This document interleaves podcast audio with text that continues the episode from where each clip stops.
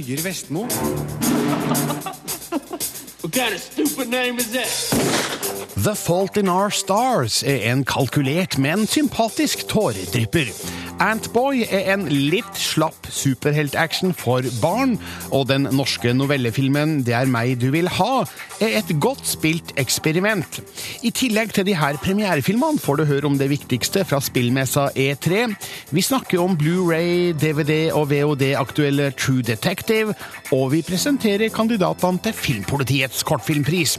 Først av alt anmeldes The Fault in Our Stars etter Energy med Duxos. Filmpolitiet. Filmpolitiet anmelder film. I believe we have a choice in this world about how to tell sad stories. On the one hand, you can sugarcoat it. And nothing is too messed up that can't be fixed with a Peter Gabriel song. Ung kjærlighet og død har vist seg gang på gang å være en uimotståelig kombinasjon, spesielt for unge jenter, i bøker og eller filmer som for eksempel Romeo og Julie, Love Story og Dying Young. Nå kommer The Fault in Our Stars med mer av det samme, men sjøl om den kanskje ikke scorer på originalitet, er den så avgjort sympatisk. Den kan oppfattes som en kalkulert tåredrypper, mynta på et ungt publikum som ikke har forutgående kjennskap til sjangertriksene, men har et friskt manus med god dialog og en strålende Shailene Woodley i hovedrollen. Let's go watch a movie. Okay. Hazel, spilt av Woodley, har kreft og går motvillig på støttegruppemøter med andre kreftsyke. Der møter hun Gus, spilt av Ansel Elgort, og de finner en felles lidenskap i en bok med kreftrelatert innhold, skrevet av Peter van Houten, spilt av Willem Dafoe. Og de bestemmer seg for å reise til Amsterdam for å spørre forfatteren hva som skjer etter at boka slutter brått, midt i en setning. Men det å kunne reise på en slik tur er ingen selvfølgelighet når man er i ferd med å dø. Story? I was diagnosed when I was 13. Your real story. Jeg har alltid problemer med å se filmer om kreft fordi jeg ikke vil høre om sykdommen. Kall det gjerne fornektelse. Men jeg ender ofte opp med å like filmene fordi de ikke egentlig handler om kreft, men om mennesker. The Fault in Our Stars legger ut noen skjebner som man kan relatere seg til, samme hvilket kjennskap man har eller ikke har til kreft. Figurene i denne historien lever med mange av de samme følelsesmessige utfordringene som alle andre, bare til en viss grad forsterka. I am in love with you, Hazel Grace. And I know that love is just a shout into the void and that oblivion is inevitable. And I am in love with you. Jeg har litt problemer med å godta Gus-figuren. Ansel Elgort spiller han som eplekjekk sjarmør med altfor stor sjøltillit og mistenkelig mange gode og gjennomtenkte kommentarer på lur. Det fins ingen slike karer, men her er han sjølve postergutten for drømmende fjortiser. Han temmes heldigvis av Shailene Woodleys fattede rolle som Hazel. Sjøl når tåredryppinga er på sitt verste, fremstår Hazel som ei klok jente med fullt forståelig tunge tanker for fremtida, men kanskje ikke på den måten man tror. Filmens beste scene handler om hennes frykt for hvordan det skal gå med dem som hun skal etterlate seg, nemlig foreldrene, spilt av Laura Dern og Sam Trammell. You don't get to choose if you get hurt in this world, but you a say in who hurts you. For alt som har et nært og kjært forhold til Divergent, vil det kanskje være litt rart at Shailene Woodley og Ansel Elgort spiller søsken der, og kjærester her. Men vi snakker jo om to helt forskjellige univers og helt ulike figurer. The Fault in Our Stars mener alt godt og gjør mye fint. Regissør Josh Boone har laga en helt grei film basert på den populære boka av John Green, og vil treffe mange tenåringsjenter midt i tårekanalen. It's a good life, Hazel Grace. Okay. Okay.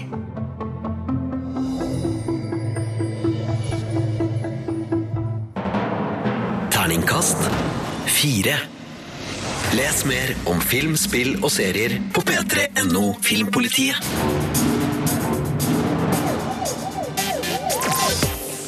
I går ble E3 avslutta i Los Angeles, altså Electronic Entertainment Expo, og denne spillmessa ble fulgt av Filmpolitiets Marte Hedenstad og Rune Haakonsen. Hallo, yes. hallo, Hallo.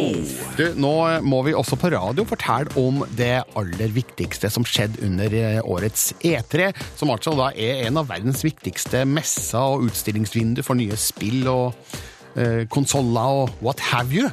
Eh, skal vi starte med Sony og Microsoft, eh, som vel er de to største gigantene, kanskje? Og for å ta det som jeg syns var aller viktig så kan vi spille av et lite lydklipp her.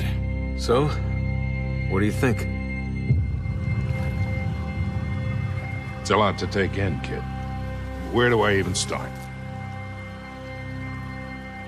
You've been out of the game for a long time.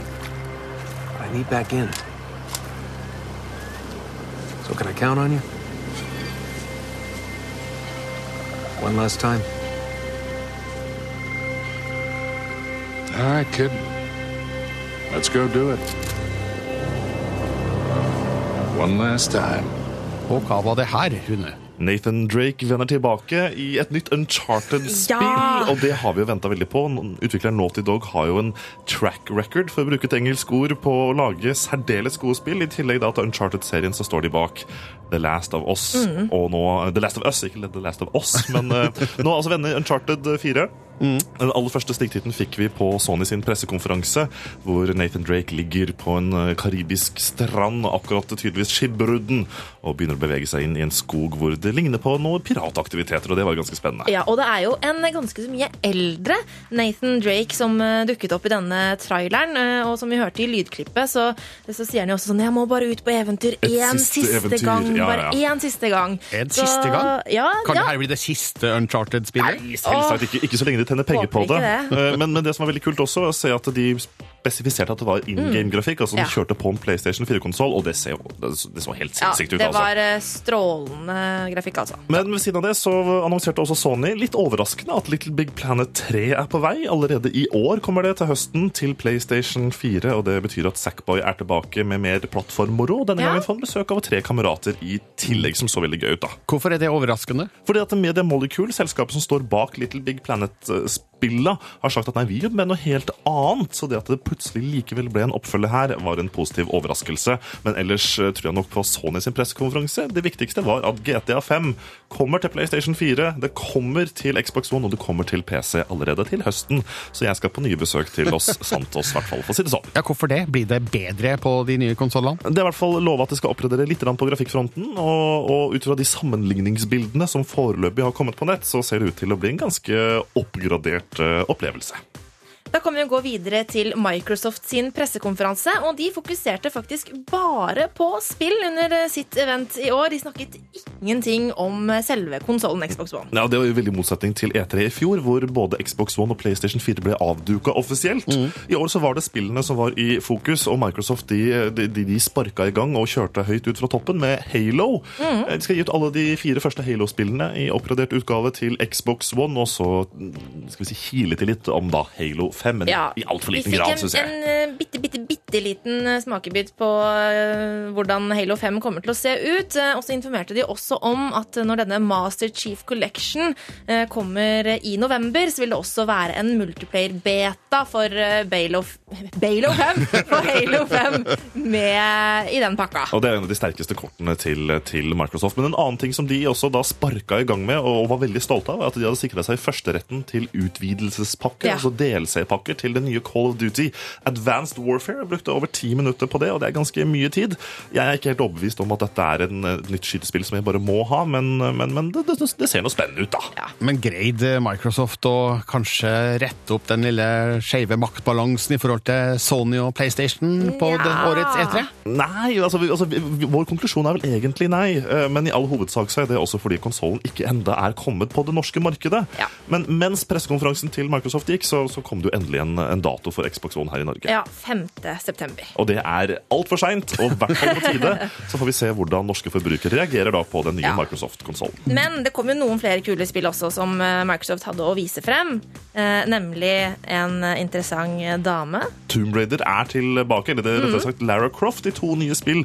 Og vi får utforske litt den mørke fortiden hennes, og vi håper at det da fortsetter i, i litt sånn samme stil som det, som det gode Tomb Raider-spillet fra, fra 2013. Ja. Det her var noe av det Sony og Microsoft presenterte på spillmessa E3, men det var en tredje gigant til stede. Og den som vi egentlig må si vant hele konkurransen om mest oppmerksomhet. Det skal vi snakke mer om ganske snart her i Filmpolitiet. P3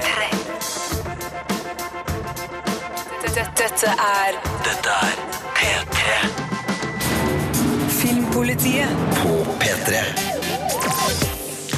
Det handler om spillmessa E3 her i Filmpolitiet. Electronic Entertainment Expo, som ble avslutta i Los Angeles i går. Marte Hedenstad og Rune Håkonsen har fulgt E3 på Filmpolitiets nettsida. I sted snakka vi om hva Sony og Microsoft eh, drev på med under E3, men det var en tredje gigant til stede, nemlig Nintendo. Og de, Nintendo. Det er Nintendo, og de er faktisk nå klart. Eh, nesten mot det jeg trodde skulle skje. Eh, de, altså, de, de snakka om mest oppmerksomhet. De hadde den kuleste pressebrifen. De hadde ikke en tradisjonell pressekonferanse. De kjørte en sånn lang reklamevideo isteden, der de viste fram alt det nye de skal gjøre. Og jeg ble imponert, altså. Men dere har jo omtrent stempla Wii U-konsollen som en taperkonsoll. Eh, hva har endra på seg? Vi har jo sagt at Nintendo må step up the game for å klare å snu den eh, trenden som har vært med Wii, og nemlig at det har kommet altfor lite gode spill til konsollen. Og nå ser vi da at eh, Nintendo begynner å, å snu på vogna. Eh, For det kom, eh, de annonserte flere store og gode spill, eh, tror vi, til Nintendo Wii U, men de kommer ikke før i 2015. Men et av de spillene som virkelig kan dra den konsollen oppover, det er nemlig det vi får høre litt lyd fra her.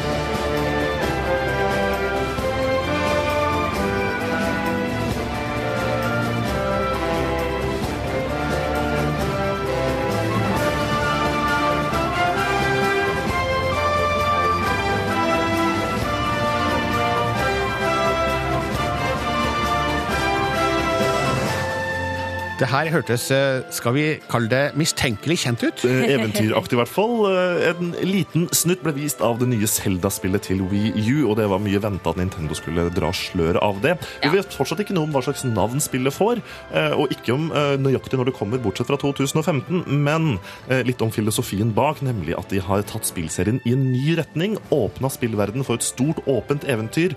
Det vil være en av de største revolusjonene for Zelda-serien på, på ganske mange år. Ja, for den spillverdenen Hyrule skal være nå, det blir en åpen spillverden, som du sa, Rune. Og det betyr jo at måten de legger opp oppdragene i spillet på, vil bli helt forandret. For man, nå kan man da gå rundt omkring i hele verdenen og plukke hvilke oppdrag man ønsker i den rekkefølgen man vil, eh, istedenfor at du har en lineær historie hvor oppdragene kommer på rekkefølge. Så Og- det blir interessant. Ja, og så må vi bare legge til at det, det ser jo helt utrolig Ja, bra ut. det er Eh, vakkert, eh, vakkert er ordet. Ja, vakkert. Og veldig spennende å se hva som skjer videre der med det nye Zelda-spillet. Men i tillegg så hadde Nintendo ganske mange andre kule ting som de Mm. Dro litt overraskende ut av, av innerermet, rett og slett. Eh, Nemlig et skytespill. Og hvis man tenker Nintendo pluss skytespill, det er noe som ikke helt stemmer i, i hodet mitt, altså. Nei. Men de klarte da å ta eh, den klassiske Titanfall-aktige, arenabaserte flerspillerkamp over nett-konseptet og tilpasse det for barn, som jeg syns er utrolig festlig. Ja, Har Nintendo da skjønt at for å nå massene, så må de ha litt tøffere spill, eller? Ja, jeg tror kanskje det. Ja, men det skal jo sies at det er jo ikke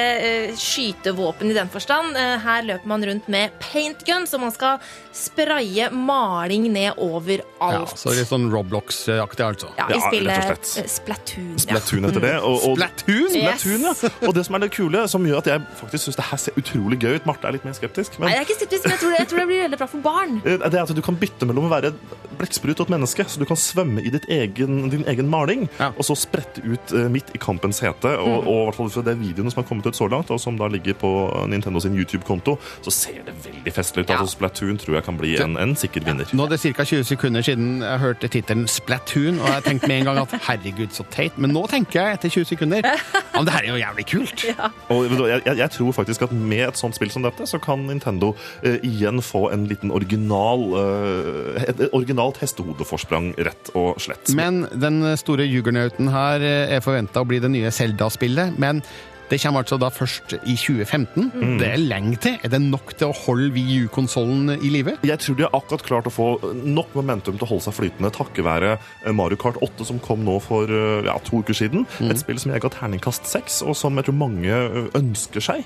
I tillegg så har de jo kommet med Super Mario 3D World, Pikmin 3 og en rekke andre gode spill, så at det begynner å hjelpe seg. Jeg tror Nintendo kommer til å klare seg helt fint. Det kommer ikke til å gå helt bra før i 2015, men de overlever. Kjære lytter, vil du eh, vite mer om E3 og det som skjedde der, så kan du finne Rune og Martes dekning av eh, Electronic Entertainment Expo på våre nettsider p3.no filmpolitiet.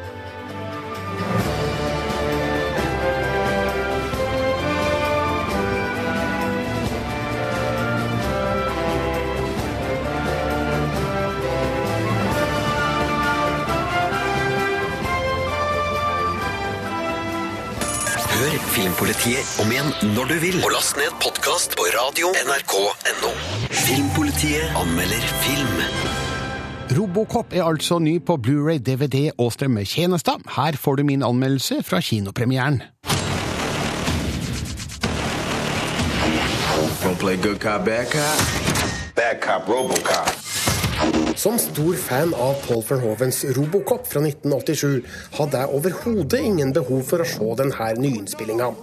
Den når selvfølgelig ikke originalen opp til støvleskaftene, som nå er en godt innarbeida regel med få unntak i remake-sirkuset.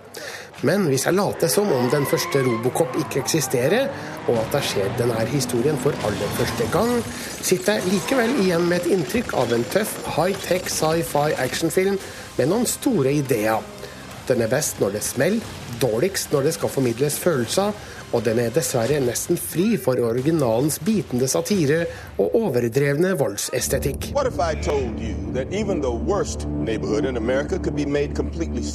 Historien følger originalpremisset, men i ny innpakning.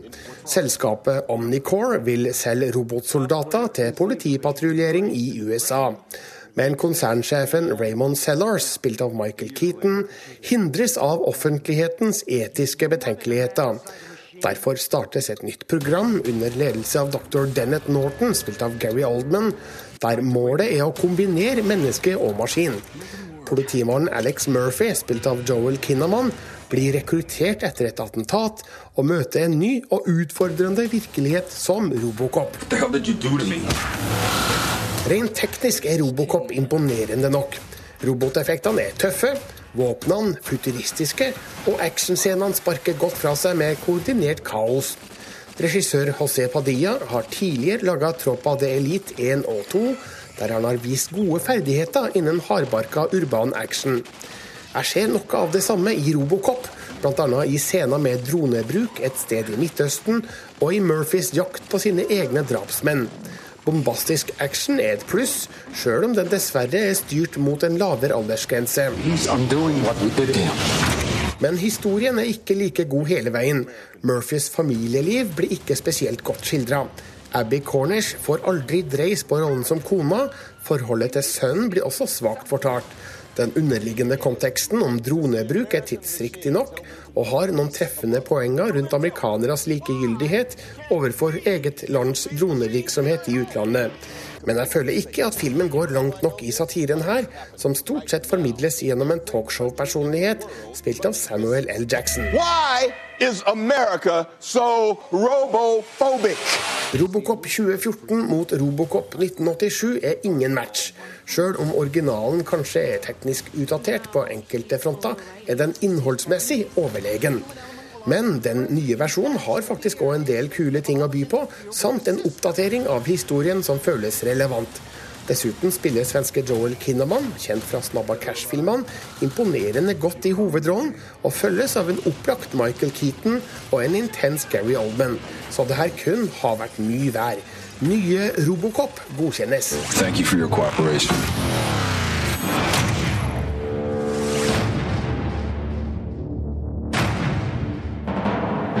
Terningkast fire. Les mer om film, spill og serier på p3.no Filmpolitiet. Nå er altså Robocop ut på Blu-ray, DVD og strømmetjenester. Klart for Røyksopp og Robin i P3, do it again. Nå er det bare tre dager igjen til Filmpolitiets kortfilmpris skal deles ut under Kortfilmfestivalen i Grimstad, som starta i går, nei, unnskyld, i forgårs faktisk. Det er da åtte kandidater, hvorav én skal stikke av med premien på 10 000 kroner. Og avstemninga er i full gang, Marte Hedenstad. Ja, her stemmes det for harde livet, og det er jo ikke så rart, for det er veldig mye bra filmer som er med i finalen eh, i år. Det er jo en herlig miks av eh, musikkvideoer og litt lengre og litt eh, kortere kortfilmer. Ja, vi snakka jo om hvilke filmer som er nominert i Filmpolitiet for en uke siden, men det er jo ei uke siden, Ja, så vi må ta en recap. så. Møtte jeg en fyr?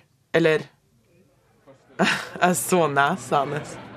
Det her var lyd fra How Do You Like My Hair, og hva slags film er det, Marte? Det her er en eh, personlig og litt sånn merkelig kortfilm om kroppshysteri og en eh, rar fascinasjon for neser. Og det er Emilie Blikkfeldt som har regi og manus på den. Den var bare helt fantastisk.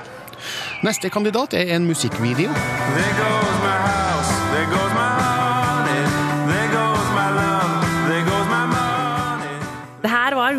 Real eh, Separation Blues, en eh, lystig og leken stop motion-musikkvideo eh, av André Sjokron.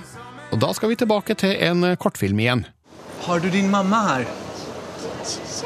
The, uh, your mother? Okay, I need to take you with me, okay? Her hørte vi lyd fra Money Back Please, en kortfilm av Even Hafnor, som handler om fordommer og voksne som er fanget i forskjellige roller. Vi hopper over på neste kandidat til Filmpolitiets kortfilmpris.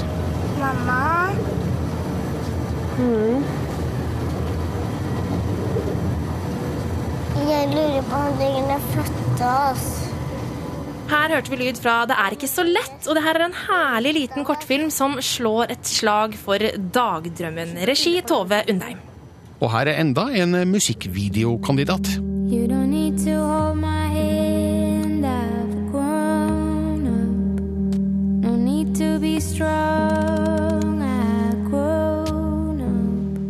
Her hørte vi lyden fra Emilie Nicolas sin Grown Up. Det er også André Sjokron som har regien på denne, og her får vi en reise gjennom gamle familieminner. Så skal vi til Varangerfjorden. Fra mine barneår så har jeg alltid hatt en drøm i livet at jeg skal, en gang i livet så skal jeg ha en tam okse. Og så har jeg endt opp på et sted der faktisk der den siste tamme oksen i Varanger gikk. Egil Pedersen har laga en nydelig kortfilm med vakre bilder fra en koselig kommune med trivelige folk. Lars Vaular er jo nominert, eller i hvert fall eh, musikkvideoregissøren hans. På min tolvte fødselsdag, på dagens første klokkeslag, så tråkket jeg over en grense.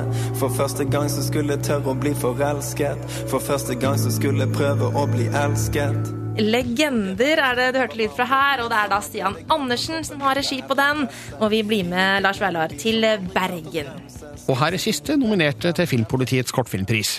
Jeg liker å kvee fordi uh, mamma sier at jeg har veldig fin sangstemme. Det er ikke for å skryte. Åslaug Vå og Anders Øvergaard har laga en trivelig kortfilm om å bevare norsk kulturarv. Vi drar til Telemark i et klasserom der fem småjenter bruker fritida si på å lære stev. Singlingeling og singlingeling, hesten vår står så fager og fin. Det her var alle åtte nominerte til Filmpolitiets eh, kortfilmpris. Det er altså da tre dager igjen å gjøre det på. Du kan være med og bestemme hvem som går av med seieren. Og alle nominerte, Marte, ligger ut på p3.no skråstrek filmpolitiet. Takk. Det er bare å klikke og stemme. Filmpolitiets kortfilmpris. Dansk superhelt-actionfilm for barn har premiere i dag. Jeg anmelder Antboy. Filmpolitiet anmelder film. Har du noen gang ønsket at du var en annen enn deg selv? At du var noen spesiell? Hvor ble han av? Det har i hvert fall jeg. Au! En dansk superhelt med norsk stemme suser inn på kino. Men sjøl om Antboy har kvaliteter som yngre barn helt sikkert vil like, er ikke dette en historie med mange sterke kvaliteter. Historien mangler fart og fremdrift, og superheltfaktaene bleikner mot absolutt alt som kommer fra Hollywood. Det er det man i realiteten konkurrerer mot, og da blir Antboy en liten maur blant langt større og feitere bugs. Det er sikkert mange som synes det er fint å være normal. Men jeg er faktisk ganske lei av det. Pelle, spilt av Oscar Dietz, drømmer om klassens vakreste jente, Amanda, men er dessverre en anonym figur både på og utafor skolen.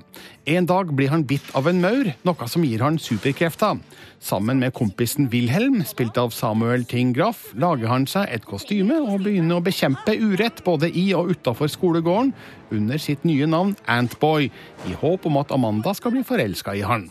Men så blir hun kidnappa av den skumle Loppen, spilt av Nicolas Bro.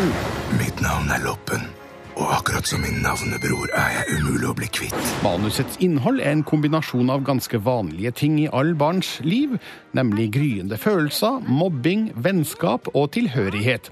Det her har regissør Ask Hasselbalk brukt som et bakteppe i en ganske fartsfylt og tegneserieprega actionfilm for de yngste. Det er prisverdig at også denne målgruppa får et tilbud av denne sorten, sjøl om jeg har sett sprekere eksempler. Den er f.eks. sammenlignbar med den norske filmen De tøffeste gutta, som etter min mening hadde bedre humor og mer energi enn Antboy. Hallo? Hei, skatt. Det er mamma. Jeg er litt opptatt. Men én ting har de filmene til felles, nemlig at det er vanskelig å finne barneskuespillere som er mer enn i hermetegn bare flinke. Oscar Dietz og Samuel Ting Graff er funksjonelle, uten å imponere utover det. Riktignok er denne filmen dubba til norsk, og det er alltid vanskelig å forene ens hode med en annens stemme. Men det er kanskje uansett ikke på skuespiller at denne filmen skal vinne sitt publikum. Best er, som venta, Nicolas Bro i en rolle som er akkurat skummel nok. Og jeg som trodde at det var trangen til sukker som var akilleshælen din, Antboy. Det fins flere spenningssekvenser med litt action, men det tar aldri helt av. Effektene bærer preg av å være billige og enkle, og et godt stykke unna den forrige danske spenningsfilmen mynta på omtrent samme målgruppe, nemlig De fortapte sjelers øy fra 2007. Den filmens regissør, Nicolay Arcel, har for øvrig levert storyline til Antboy. Jeg antar at filmen vil fungere best for dem som er i 7-8-årsalderen. Over det her vil Antboy antageligvis anses som i hermetegn for barnslig. Hvem er du? Jeg er Antboy.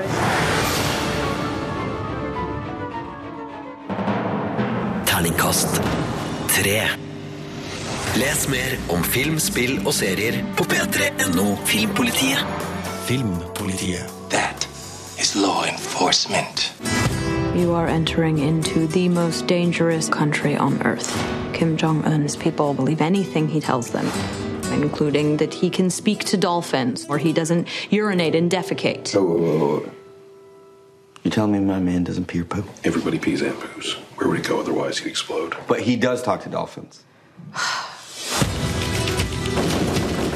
Det her er lyd fra en trailer som eh, ble offentliggjort denne uka.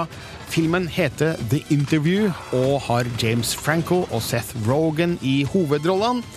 Og handlinga går ut på at de skal drepe Nord-Koreas diktator Kim Jong-un. Intet mindre! Og det her må det jo bli hysterisk eh, komedie av, Marte Hedenstad? ja, det tror jeg.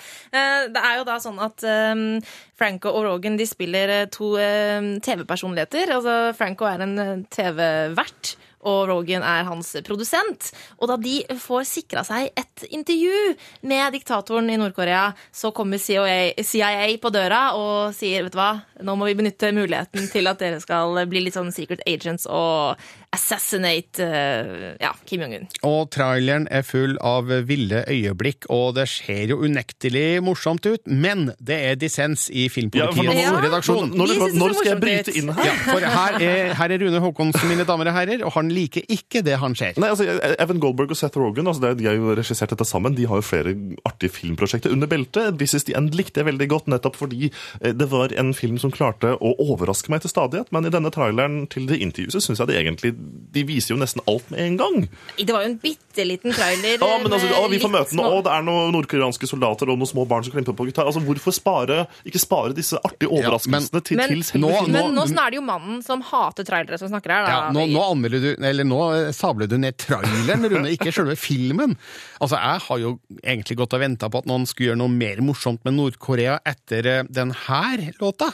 I'm so lonely, so lonely, so lonely inside real Rome. I'm so lonely Altså, er det noen som husker Team America? og hvordan, hvordan, ja, Oh, ja. hvordan, hvordan eh, gamlefar Kim Jong-il ble fremstilt der? Det var jo hylende Ja, det var morsomt. kjempegøy. Så nå er det på tide at sønnen får gjennomgå eh, i nok en amerikansk film. Jo, men Kanskje innvendingen min er at jeg nå får et inntrykk av en litt for trygg film, en som ikke tør å gå og ta de ville svingene som jeg syns de siste Altså, gjorde. da. husk at dette her var ikke en Red Band-trailer. Eh, du vet jo hvordan eh, Ja, det systemet der fungerer. altså, en Red Band-trailer er da liksom den voksenversjonen av traileren? Ja, der hvor alt det skitne snusket får lov Ja, okay, til å greit. komme med. Og det kommer sikkert en sånn trailer etter hvert. Jeg tror det her blir kjempeartig. Jeg skal moderere min kritikk noe, men eh, jeg har en sunn skepsis for dette Ja, nye altså- prosjektet til altså, Seth Rogen og James Seth Franco. Rogen eh, og eh, James Weaver, som er produsent, og også Evan Goldberg, som har regi og manus sammen med Seth Rogen. Det er en trio som fungerer som bare det, og de har akkurat passe mengde underbuksehumor til at det blir kjempegøy.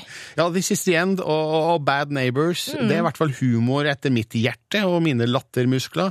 Altså den, eh, som du sa, Marte, litt eh, snuskete humoren, som eh, tråkker ganske hardt til verks, da, og ikke er av den snille, sarte sorten. Det, det ser jeg gjerne mer av, altså. Så kan det tenkes at vi greier å lokke deg med på det intervjuet til høsten, Rune? Jeg håper da det. You want to go kill Kim Jong Un? Totally. I'd love to assassinate Kim Jong Un. It's a date. Filmpolitiet. En ny norsk novellefilm har premiere i dag. Jeg anmelder Det er meg du vil ha etter Second Heartbeat med Shy Girls. Filmpolitiet anmelder film.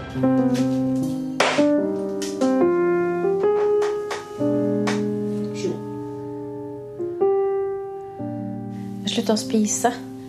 Kiloene bare raste av meg etter den polenturen. Jeg tror jeg gikk ned 80 kilo på to måneder. Det er meg du vil ha fremstår nettopp som det denne novellefilmen faktisk er, nemlig et uferdig eksperiment. Rammen rundt virker litt vag og tilfeldig, men Andrea Brein Hovig spiller med høy autentisitet i rollen som Henriette. Hun serverer en historie som man ikke kan forholde seg likegyldig til.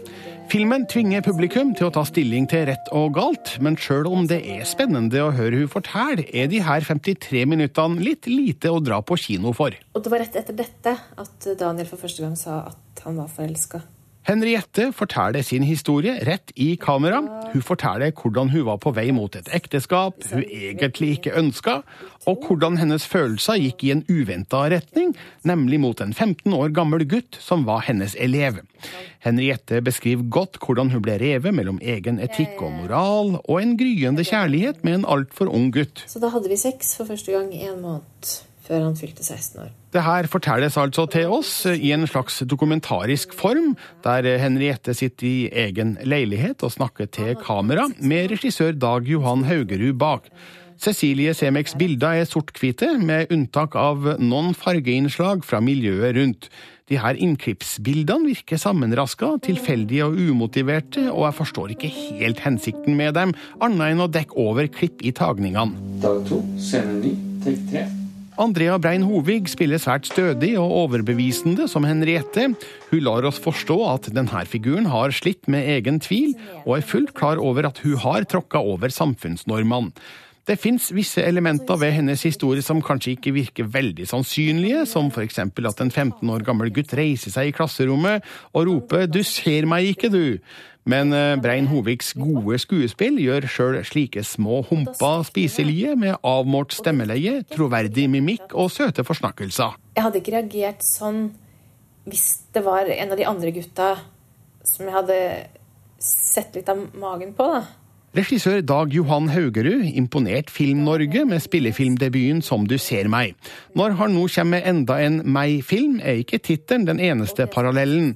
Også her handler det om en kvinnes ugreie møte med hverdagen. Filmen er basert på en enakters monolog som ble skrevet av Sonja Evang for Norsk Dramatikkfestival, som igjen er basert på et intervju med en virkelig person.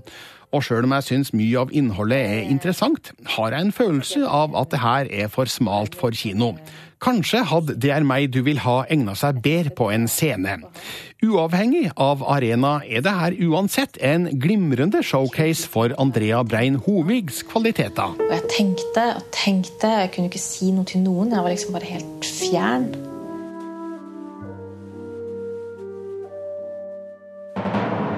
Terningkast fire. Filmpolitiet anmelder TV-serie. You ever see something like this? No, sir. This is gonna happen again. At 6 a.m., civilians came across a female body. We got a job to do. Just what is it you think we found? Det her var altså lyd fra serien True Detective, blodfersk på Blu-ray og DVD for de som foretrekker å eie ting og ha det i hylla. Det er litt sånn som meg. Jeg vet ikke hva med deg, Marte Hedenstad? Jeg er ikke så nøye på det når det gjelder serier, så jeg så jo True Detective eh, på HBO Nordic da det kom eh, 13. januar i år, men nå er det jo da tilgjengelig for alle som ikke har HBO Nordic eller Seymour, da, så det er jo bra. Ja, eh, Blu-ray eller DVD, eh, altså Blu-ray er jo best da, hvis man skal ha den optimale billed- og lydkvaliteten. Og jeg er nok eh, en av de, da, så jeg har egentlig gått og venta med å se serien fram til nå. Jeg starta i forgårs med episode én og er allerede huka og hekta og ja, dør etter å se resten av True Detective. Kan du, for de som ikke kjenner til serien, forklare kort hva det her går ut på, Marte? Ja, det her er jo en eh, politiserie som foregår i Louisiana i eh, USA. Eh, Og da møter vi Woody Harrelson og Matthew McConaughey i rollene som to politietterforskere som finner et lik. En kvinne som er De har fått på seg en eh, hjortekrone, og som ligger bundet på en veldig sånn okkult, eh, ritualaktig måte. Um, og det som er ganske interessant med den serien her, er at eh, vi får se at eh, Woody Harrelson og Mette McConaughey etterforsker dette mordet eh, i 1995. Og så får vi også se at de to blir intervjuet i nåtid, hvor det er noen andre etterforskere igjen som eh, spør dem spørsmål om dette gamle mordet. Og så er det litt sånn mystikk rundt da hvorfor eh, drar de opp denne gamle saken igjen nå, hva er det som skjer, og, og så videre. Mm. Bare helt i starten av ditt lille resymé her, så skjønner vi jo hvorfor denne serien er fantastisk. Altså, du har Matthew McConaughey og Woody Harrelson i Ja. hovedrollene i en TV-serie. Ja. Og det her er jo McConaugheys eh, store år. Det er virkelig det. eh, Og eh, True Detective var også sammen med Texas Dallas Buyers Club. Ja. det er den heter. Eh, så- The Dallas Buyers The Club, Dallas Club, Buyers Club. Så um, er jo dette grunnen til at det er uh, McConaughey's store år. Og jeg tror at han kommer til å stikke av med prisen for beste skuespiller når eh, Emmy-prisene skal deles ut i høsten. Jeg har sett én episode, du har sett eh, samtlige selvfølgelig Mm. av True Detective. Hvorfor er det her så bra? Jeg tror at man enten elsker eller hater True Detective. Og det har noe med at det er en veldig saktegående serie.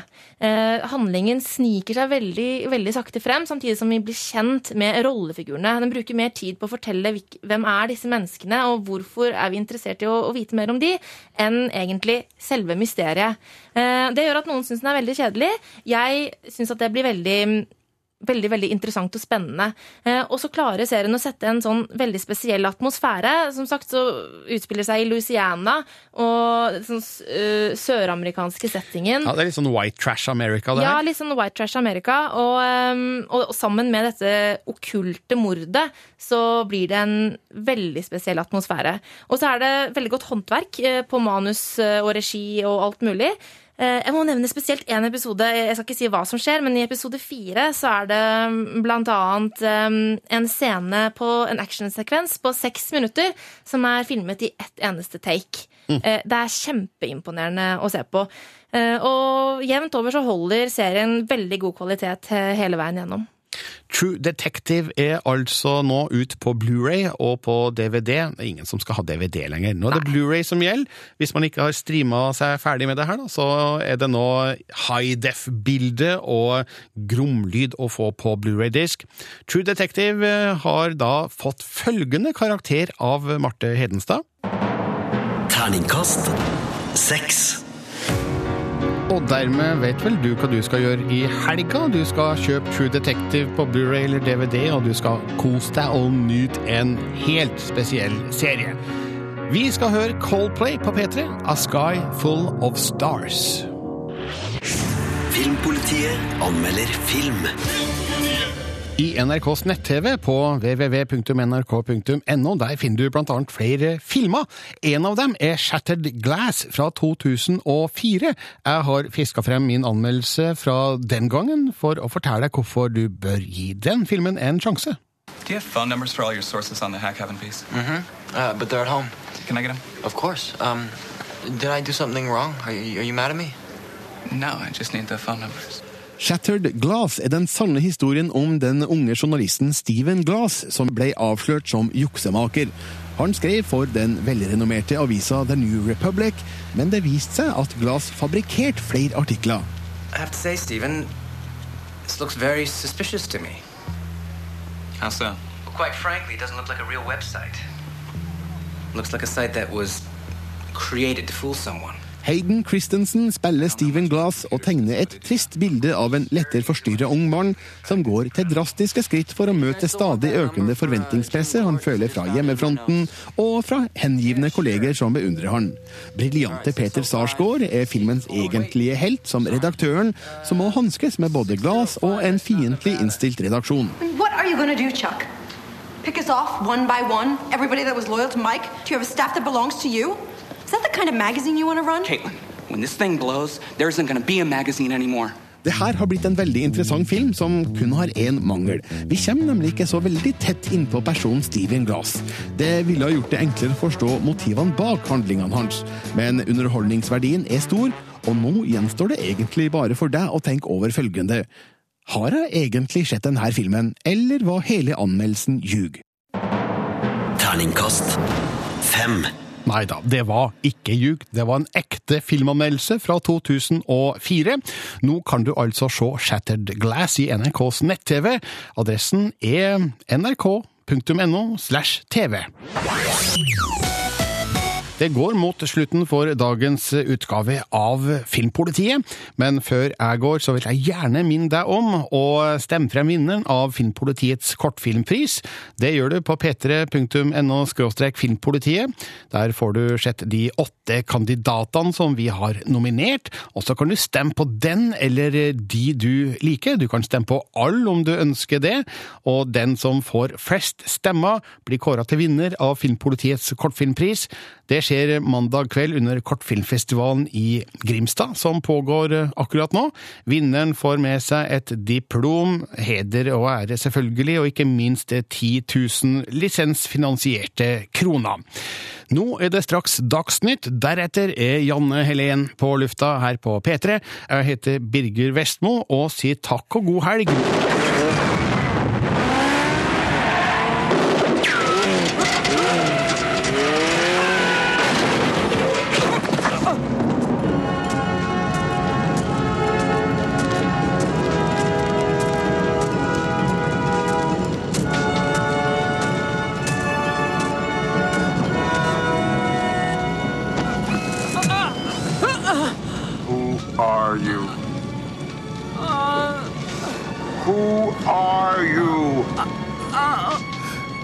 Birger Vestmo. Hør flere podkaster på nrk.no podkast. P3.